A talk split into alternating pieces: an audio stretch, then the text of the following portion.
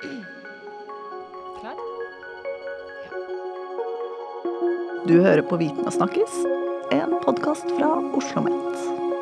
Stig Nøra, hvor var du når Berlinmuren falt? Jeg husker ikke. Jeg husker han falt. Du husker han falt, Ja, ja? jeg husker eh, Jeg var jo tenårene, men jeg husker eh, nyhetssendinger. Mm. Liksom, du skjønte at det var viktig, men vi kjente ikke gjerne hvor viktig det var. Nei, sant? Du, da? Du, altså, jeg var 11 år på det tidspunktet, og jeg husker disse nyhetsbildene. Og så skjønte jeg at det var noe stort på foreldrene mine. Måten foreldrene mine snakka om det på. at her, det, det var et eller annet, men det tok mange år før jeg skjønte hvor stort dette var. Og jeg tror første gang jeg var i Berlin, så skjønte jeg det ordentlig. Første gang du tok på muren. Ja, ikke sant? I, Ja, i Berlin. ja. Ja. Jørn, hvor var du Berlinmuren falt? Jeg var hjemme og pakket eh, kofferten. Jeg skulle til Berlin og besøke broren min, som eh, hadde bodd der et tiårs, ti, en tiårstid. Studert filosofi der. To, 200 meter fra muren bodde han, på vestsiden. Mm. Eh, Jeg hadde nettopp ja, fire måneder siden fått mitt andre barn, og hun skulle være med. Så vi tok toget. Politisk korrekt allerede den gang.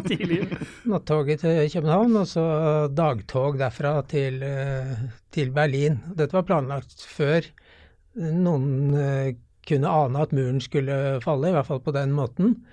Men tilfeldigvis så var vi der da et par dager etter at det første gjennombruddet, bokstavelig talt, i muren eh, hadde skjedd. Opplevde jo at eh, å se folk komme gjennom. eh, Sprekker i muren, altså lagde sprekker eh, i trabanter og med handleposer for å kjøpe Zydfrüchte, som de var opptatt av. Det var jo snart jul.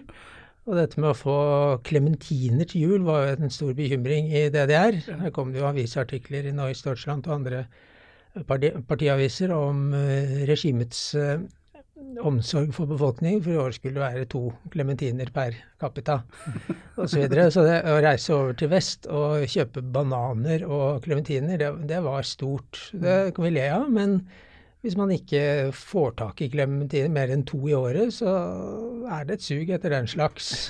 Det er en annen side av Berlinmurens fall, det med klementiner, som vi ikke har tenkt på. Nei, og så var det jo Tyskerne er jo kjent for sin willkommen kultur, som de har hatt mot flykt, med flyktninger nå. De hadde den da.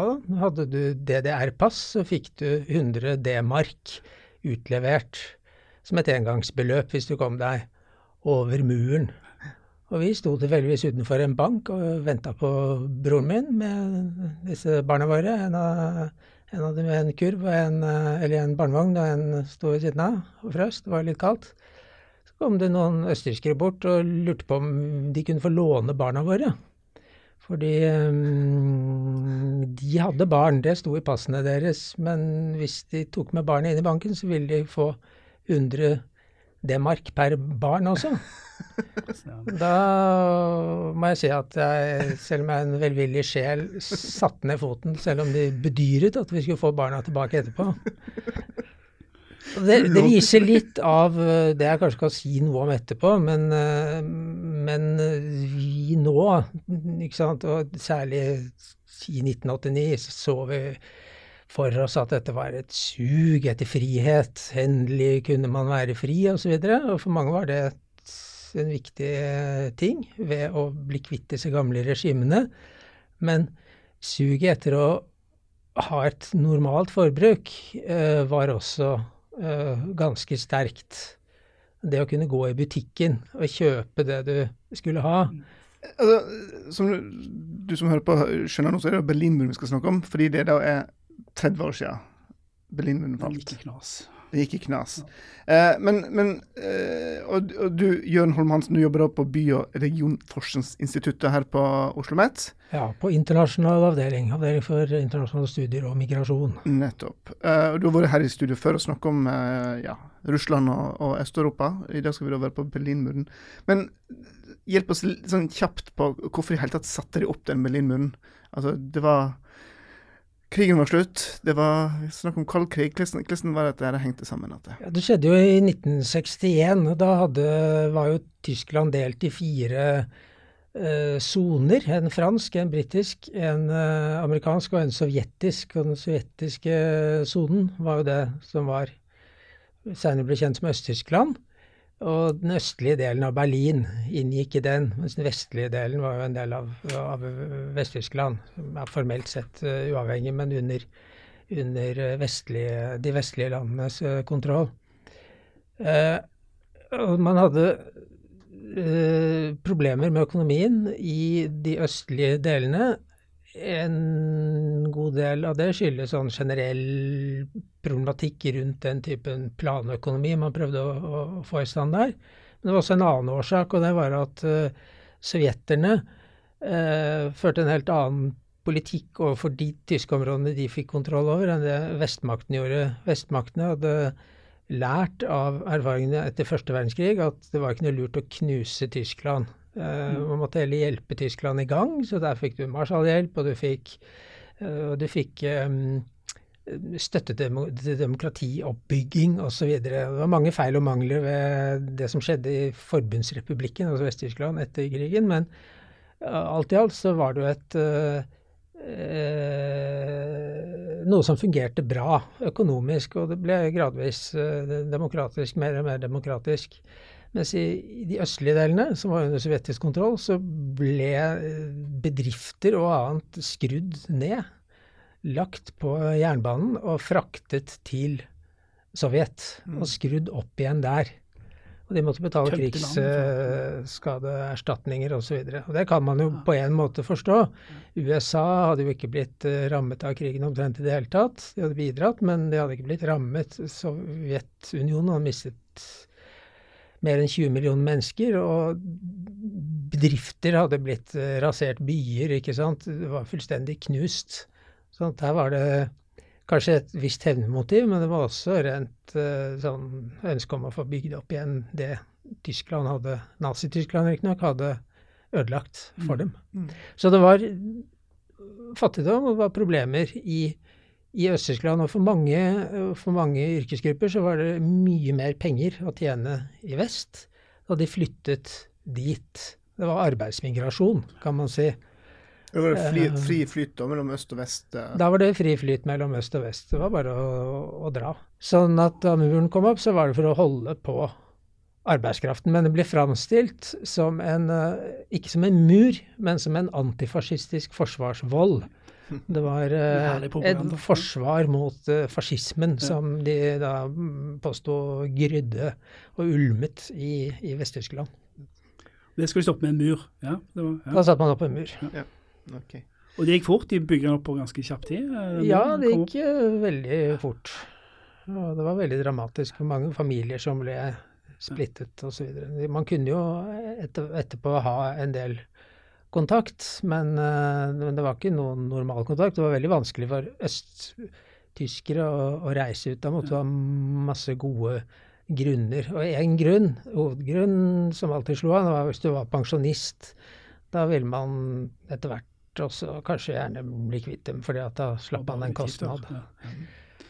Og der sto muren, eh, og folk trodde han skulle stå evig, eller han sto jo på 80-tallet, ingen trodde noe skulle skje. Det ble oppfattet som ganske eh, gitt, som en litt sånn naturlig ting. Jeg har jo kryssa den mange ganger selv, for jeg farta mye i, i Sentral- og Øst-Europa fra slutten av 70-tallet og gjennom hele 80-tallet. Mm. Der var det jo helt fritt fram å reise hvor man ville og bo hvor man ville, sånn, bortsett fra i DDR. Men jeg reiste ofte gjennom DDR. Ja. Eh, og krysset da den muren eh, med tog eller T-bane. Det gikk T-bane over der også. Og da Det var jo ikke bare en mur. Det var jo uh, piggtrådgjerder, og det var kanaler, og det var uh, vakttårn. Uh, så det var, det var et, det et sånn ingenmannsområde uh, som var veldig vanskelig å passere. Og det var ganske uhyggelig å se disse vaktanordningene uh, som var der med schæferhunder og Veldig streng kontroll for å komme gjennom, eller? For, for, for, oss så var det ikke For å komme inn var det ikke så streng kontroll. Du måtte ha visum. Ja. Det måtte man til alle disse landene den gangen. Men det var ikke noe problem å få det. Og det var Eh, offisielt så skulle man da veksle én D-mark mot én DDR-mark. Men eh, jeg lærte fort det knepet at jeg bare skulle ta noen D-mark i skoen Ja. og gå igjennom. For det kunne man veksle på svartebørsen til en pris som da var i tråd med det som østtyske myndigheter faktisk hadde satt eh, som den reelle vekslekursen, som var eh, sånn 4,5 DDR-mark mot, mot tysk D-mark. Og det var litt ting å kjøpe. Det var veldig godt øl. Nå måtte man drikke veldig mye øl for å bruke opp uh, pengebeholdningen sin. Men, eh, eh, og, det var, og det var mye eh, LP-plater og sånn å få kjøpt. Og bøker. Jeg kjøpte noen grammatikkbøker og sånn. Men uh, ja. Og så Ja. Hvor starta prosessen med, mot Berlinmurens fall? Hva, hva, hva er de første hendelsene der? Ja, altså, det hadde jo skjedd mye i Øst- og Sentral-Europa eh, allerede når vi kom til november 1989.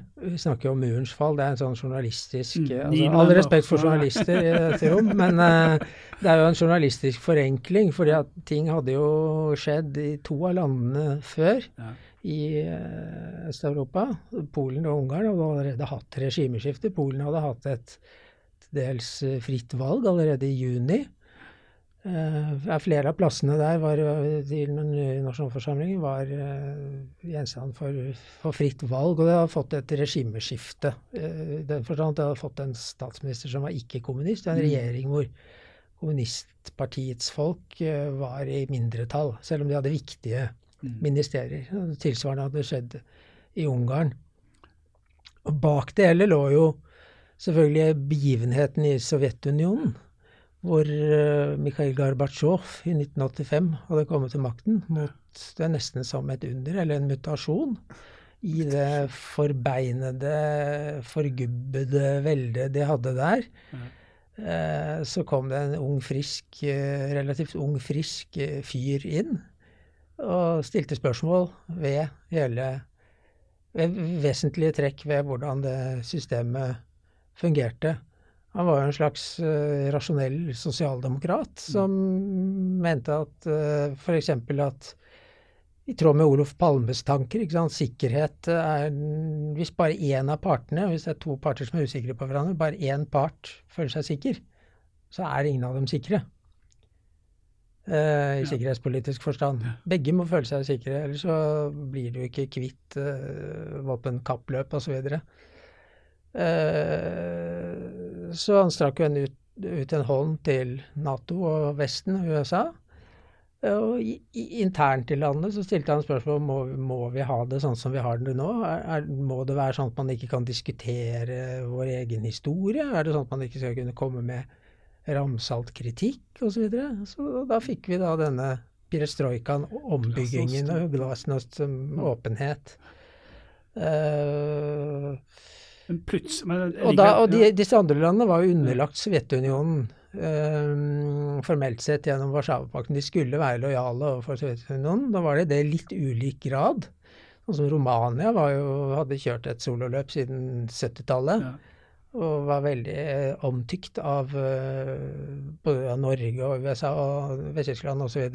fordi de kjørte en uavhengig utenrikspolitikk, selv om de jo førte en despotisk innenrikspolitikk. eh, vise inspirert ja. av Nord-Korea. Ja, ja. Men det førte jo til at man løsnet litt på tøylene i noen av de østeuropeiske landene. Og der var det jo De var ganske forskjellige, de østeuropeiske landene, selv om alle sverget troskap til Mm. Sovjetunionen, bortsett fra Romania. Så var de ganske forskjellige. Du hadde DDR, som var et beinhardt uh, diktatur. Du hadde Tsjekkoslovakia, som var det samme. Eh, Så hadde du Ungarn, hvor eh, det var ganske mye friere, særlig på det økonomiske området, hvor det var stimulert til at folk skulle ta private initiativer. Å reiste i Ungarn på den tiden, på 80-tallet, så var det jo eh, nesten ingen som bare hadde én jobb. Hvis du orket, så hadde de to eller tre jobber.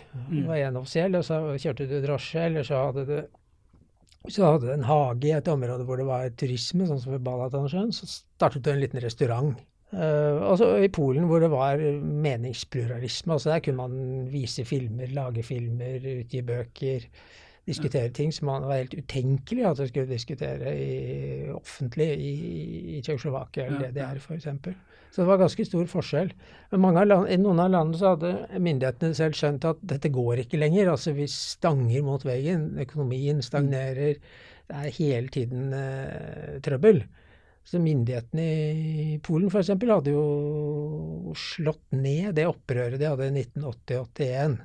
Solidaritetsbevegelsen, ikke sant. Som hadde stilt en rekke krav bl.a. om mer demokrati og mer eh, egalitær politikk, egentlig. Men den hadde blitt slått ned, og så prøvde myndighetene seg på sånne markedssosialistiske løsninger. Eh, som ble slått tilbake av øh, arbeiderprotester og også de offisielle fagforeningene som ble tillatt etter hvert. Men de skjønte at vi må inn i dialog, i Ungarn, at vi må inn i dialog med opposisjonen. Vi må prøve å løse dette problemet sammen. Uh, og det at du fikk denne mm, oppmykningen i Sovjetunionen, gjorde at de turte å gå litt lenger enn de hadde turt før. Altså Man har vært litt engstelig tidligere, fordi eh, Sovjetunionen opererte ut fra noe de kalte, ikke de, men andre kalte Brezjnev-doktrinen, Mm. som ble knesatt i 1968, da tsjekkoslovakerne prøvde tsjekkoslovakerne, eller tsjekkoslovakerne, folk i Tsjekkoslovakia, prøvde å demokratisere systemet i retning av demokratisk sosialisme, eller sosialisme med et menneskelig ansikt, som de kalte det. Det ble slått ned. Warszawapakt-invasjon. Alle Warszawapakt-landene var med, Polen også. Eh, Ungarn, men ikke Romania. Og Etter det, så, rett etter det så ble det offisielt ja, ble skrevet en artikkel i partiavisen Pravda, som på den tiden liksom var organet for regimets politikk, av en uh, Sergej Kavaljov, som sa at ingen har rett til å eksportere revolusjon, men Ja. alle har rett til å slå tilbake import av kontrarevolusjon. Og noen par måneder etterpå så var Leonid Brezjnev, partisjefen, dvs. Si sjefen over alle sjefer, i Sovjetunionen, gjest på det polske partiets, søsterpartiets partikongress, og sa eh, noe av det samme. At hvis systemet i våre land, vår type land, sosialistiske som man kalte dem, er truet, så har eh, broderlandene plikt og rett til å gripe inn. Det var Brezjnev-doktrinen. Og da, det var en trussel som hang over Hele Øst-Europa. Hele. Øst-Europa. Ja, ja. Gikk man for langt i reformer eh, som kunne true eh, sovjetiske interesser, så kunne man eh, få denne smekken over fingrene. denne invasjonen. Og det, eksempel under dette opprøret i Polen i 1981, så, Lech Wałęsa alt dette her, så, så var det en sånn, et sverd som hang over dem, som de var veldig, veldig redde for. Men allikevel så hadde man da både i Polen og Ungarn i løpet av sommeren 1989 eh, gått veldig langt i å, å reformere systemet i demokratisk retning. Og ungarerne hadde til og med klippet over gjerdet, piggtrådgjerdene mellom seg og Østerrike, eh, tidlig på sommeren samme år. Jula Horn, utenriksminister i Ungarn, og Alois Mock, utenriksminister i Østerrike, hadde møttes med en svær sånn der avbitertang, klippet over disse, disse gjerdene. Og DDR-borgere kunne dra til Ungarn. Det hadde gjort i stort antall for å feriere ved Balaton og møte slektninger fra Vest-Tyskland som også kunne dra dit. i og for seg. Så mange østerrikere reiste da ut og inn i Vest-Tyskland den veien via Østerrike. Og i Vest-Tyskland ble de jo tatt, med, tatt imot som blodsbrødre og ble statsborgere uh, umiddelbart. Men det som, det som, skjedde rett før murens fall Den sovjetiske utenriksministeren Edvard Sjevardnadze hadde sagt at uh, alle land måtte bestemme selv hvordan de uh, ville ha det. Og Det var en ganske dramatisk ting å si. Det var en ganske dramatisk ting å si, og det var et veldig sånn klart signal om at nå skal ikke vi blande oss inn i hva dere finner på eh, i broderlandene. Eh, og to dager etterpå så skulle talsmann for Utenriksdepartementet i Sovjetunionen, Gennadij Gerasimov, uh, uttale seg om, om, dette. Og det var da han sa at uh, nå gjelder ikke Brezjnev-doktrinen lenger, nå gjelder Sinatra-doktrinen. Det... Dere kan gjøre det. Sinatra er jo kjent for denne sangen om 'I did it my way'. Nå kan hvert enkelt land gjøre det their way. Så da var det bare å kjøre og det var 27. oktober ja. 1989. Og da, ganske raskt etterpå, så skjønte, da skjønte DDR-myndighetene, som hadde strittet imot det siste, mm. at her eh, må vi gjøre noe. Så de hadde laget en forordning om at DDR-borgere kunne reise ut uten alle de der eh, kravene som var stilt før, søknader, og du måtte være pensjonist, og du måtte ha en helt spesiell grunn, og osv. Og, og det regimet der uh, hadde en uh, slags Ja, igjen en journalist som uh, hadde blitt Fått rollen som talsmann for regimet utad. Han hadde egentlig ikke vært så mye med på de diskusjonene, visstnok, om akkurat når dette her skulle inntreffe, denne regelen skulle inntreffe, og hva den egentlig var. Men han møtte opp med en lapp hvor han leste opp det han skulle lese opp, på en pressekonferanse. Mm. Den ja, 9 november ja. 1989. Og så fikk han spørsmål om uh, uh, når dette skulle inntil, når, når, denne ordningen skulle innføres. Og det var han ikke helt klar over, så han sa at uh, så fort, med en gang. Unverzüglich. Uh, sånn ja, med, med, en gang. Uh, så det er jo en glipp av og feil, eller? Visstnok var dette en slags uh, glipp, men det skulle tre i kraft dagen etter. Det men det følte til at folk tok ja. det som et signal at ja. nå skal vi over muren. Så det var da folk samlet seg. Ja. Og krevde å komme over muren. Og grensevaktene, som hadde fått ordre om å implementere dette dagen etter, de bare slapp dem igjennom. Da var det ingen vei tilbake. Og da begynte folk å ha, hakke i murene og sånn, da. Men de slapp jo gjennom de vanlige kanalene, men begynte å hakke i muren. Og så etter en dag eller to så kom det bulldosere og gjorde dette på ordentlig vis. da. Da falt altså muren. 9.11.1989, og verden ble aldri den samme, som en journalist ville sagt, men det var ikke Verden forandrer seg, ja. ja. ja. Det var jo ikke noen plan for dette her. Altså, Plutselig så tar den vekk en mur, og folk regner med strømmer inn i, uh, i Vestberlin. Det er store omveltninger for en by, for et land her. Så en, Visste en hva konsekvensene her egentlig var? Nei, det var jo eufori. Folk, alle var jo glade og, og sånn, så det var jo ikke noe særlig problematisering eh, rundt, rundt dette her. I første omgang var man jo bare glad for at uh, byen ikke lenger var delt. og Man kunne besøke mm. Ja, de i øst kunne besøke de i vest uten, uten hindringer. Så mm. det var jo ikke noe særlig det var, ikke, det var, ikke, mange som gikk rundt og uh, hang med nebbet. Men det var et viktig symbol, da, selv om jeg skjønner at det skjedde ganske mye før i oppspillet til, uh, til Ja, det er klart. Så, ja, både symbolsk og reelt. Det er jo reelt å plutselig ja, kunne ja. Tenk deg om det hadde gått en mur ja. vi aldri hadde vært på i Frogner bydel. Så hadde vi jo uh, syntes det var litt stas å komme over. Men hva ble de mest tydelige konsekvensene av murens fall, hvis vi kan bruke eh, Akselererte det prosessen i Øst-Europa? Ja, det akselererte jo det, veldig, fordi da, da, falt jo ganske raskt regimet i Tsjekkoslovakia. Ja. Store massedemonstrasjoner. Der hadde det ikke vært noe sånn veldig sterk og bred opposisjon, for regimet hadde vært så undertrykkende. Men det hadde vært noen tøffinger som hadde skrevet under på opprop og sånn. Og Václav Havel, som senere ble president, er jo en av dem.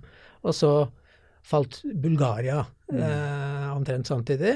Og så gikk det en måned eller to, og så fikk vi de hendelsene vi mange av oss uh, husker eller har hørt om, fra Romania, mm. hvor presidentparet, som i praksis var en slags eh, monarker i dette fryktelige despotiet de hadde der, uh, bare ble skutt uten egentlig lov og dom. Og det var den eneste omveltningen i hele Øst-Europa som foregikk, eller Øst- og Sentral-Europa som, som, foregikk eh, på det jeg vil kalle uhøvisk vis. Alle de andre stedene var det jo ordnede form, foregikk i ordnede former uten blodsutgytelse. Og så har vi Albania, da. Ja, det som er litt på siden av. Ja. ja, de sa jo gjennom hele 1989 at dette her var jo, angikk ikke dem, fordi at uh, vi snakket her om revisjonistregimer. Ja.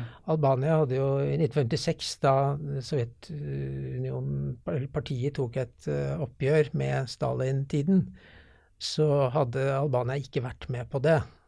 De oppfattet det som revisjonisme, så de hadde fortsatt den stalinistiske kursen Ja. siden. Første omgang i allianse med Kina, etter hvert på, på egen hånd. Så de mente at dette ikke angikk dem. Men i løpet av 1990 så falt det regimet også, gitt. Og så, muren faller, så, så får man frislepp av økonomien? eller Det tar tid, eller hvordan eh, var dette? Ja, det er, det er ganske interessant, fordi at uh, verbalt så var det litt sånn frislepp av økonomien. Hvis man ser på hva de landene i Øst- og Sentral-Europa gjorde, så var det stort sett uh, å gå ganske pragmatisk til verks. Og ikke uh, slippe sånn veldig fritt løs. Selv i Polen, hvor du hadde en veldig sånn nyliberal eh, finansminister, Rezjek Balcerovic, så gikk, tok man ikke steget fullt ut med full eh, liberalisering. Altså, de store bedriftene ble ikke forsøkt privatisert før okay. på slutten av 1990-tallet. Men i Russland var det litt Ja, annerledes. det- Der gikk man jo rett på full, Men full pakke, og det førte jo til fullstendig kaos og sammenbrudd, og at uh, alle rikdommene ble, omtrent ble tatt hånd om av Ja, eh, oligarker. oligarker. Ja.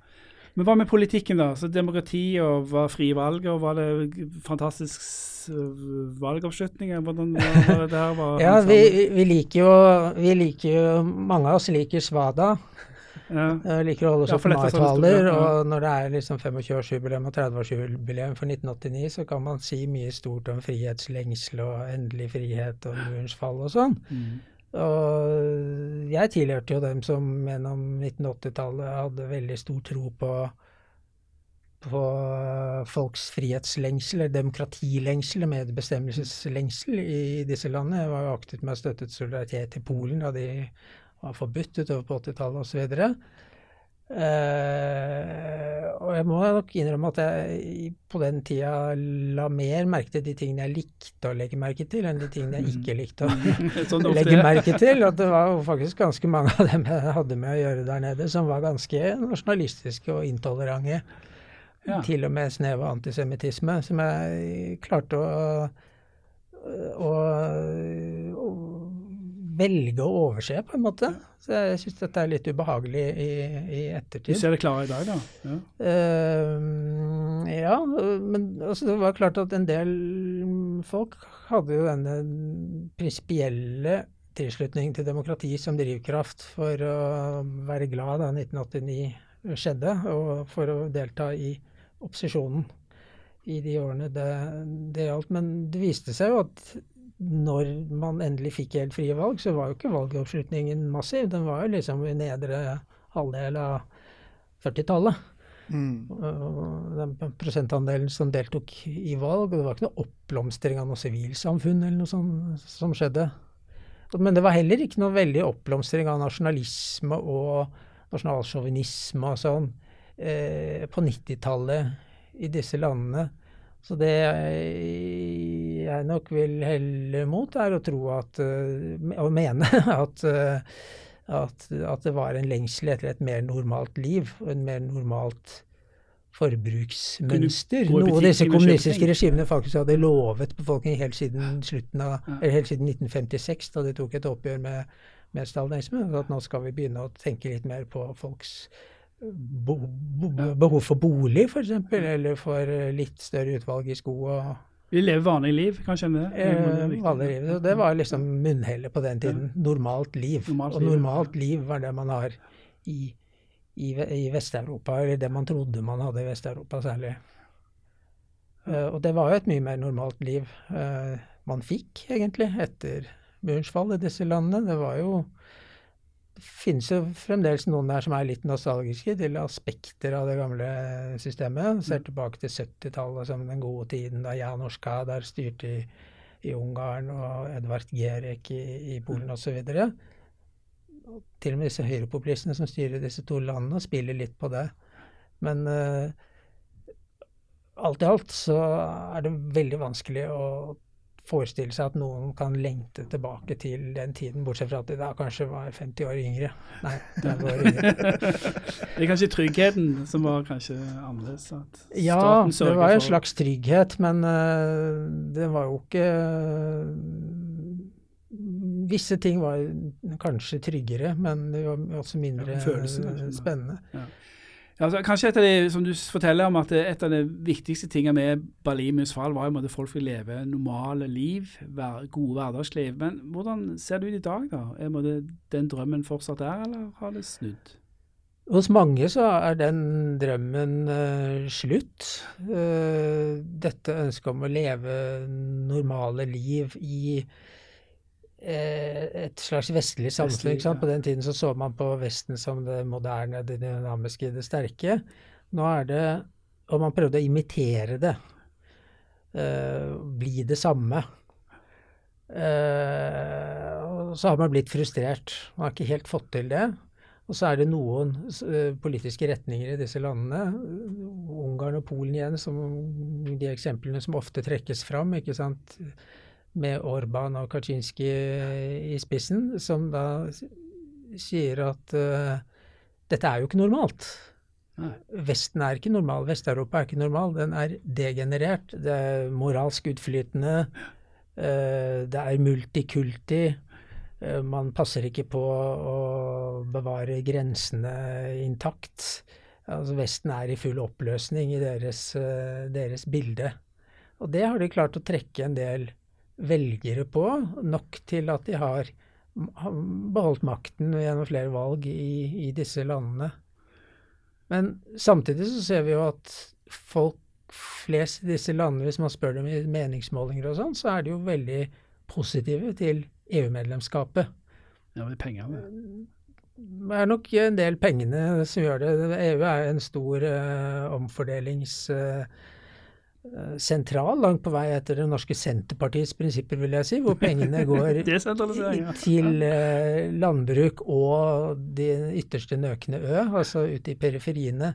Sånn at mange av de velgerne som er mest frustrert, og som lettest stemmer på disse eh, høyrekonservative, disse kulturkonservative, nasjonalkonservative, høyrepopulistiske partiene, det er jo de som nyter best økonomisk av, Mm. av EU-midlene. Og hvis vi ser på folks optimisme, så er faktisk den størst i land som ja, til og med Ukraina, øh, Polen, Tsjekkia osv., og, og lavest i Storbritannia, Frankrike og Italia.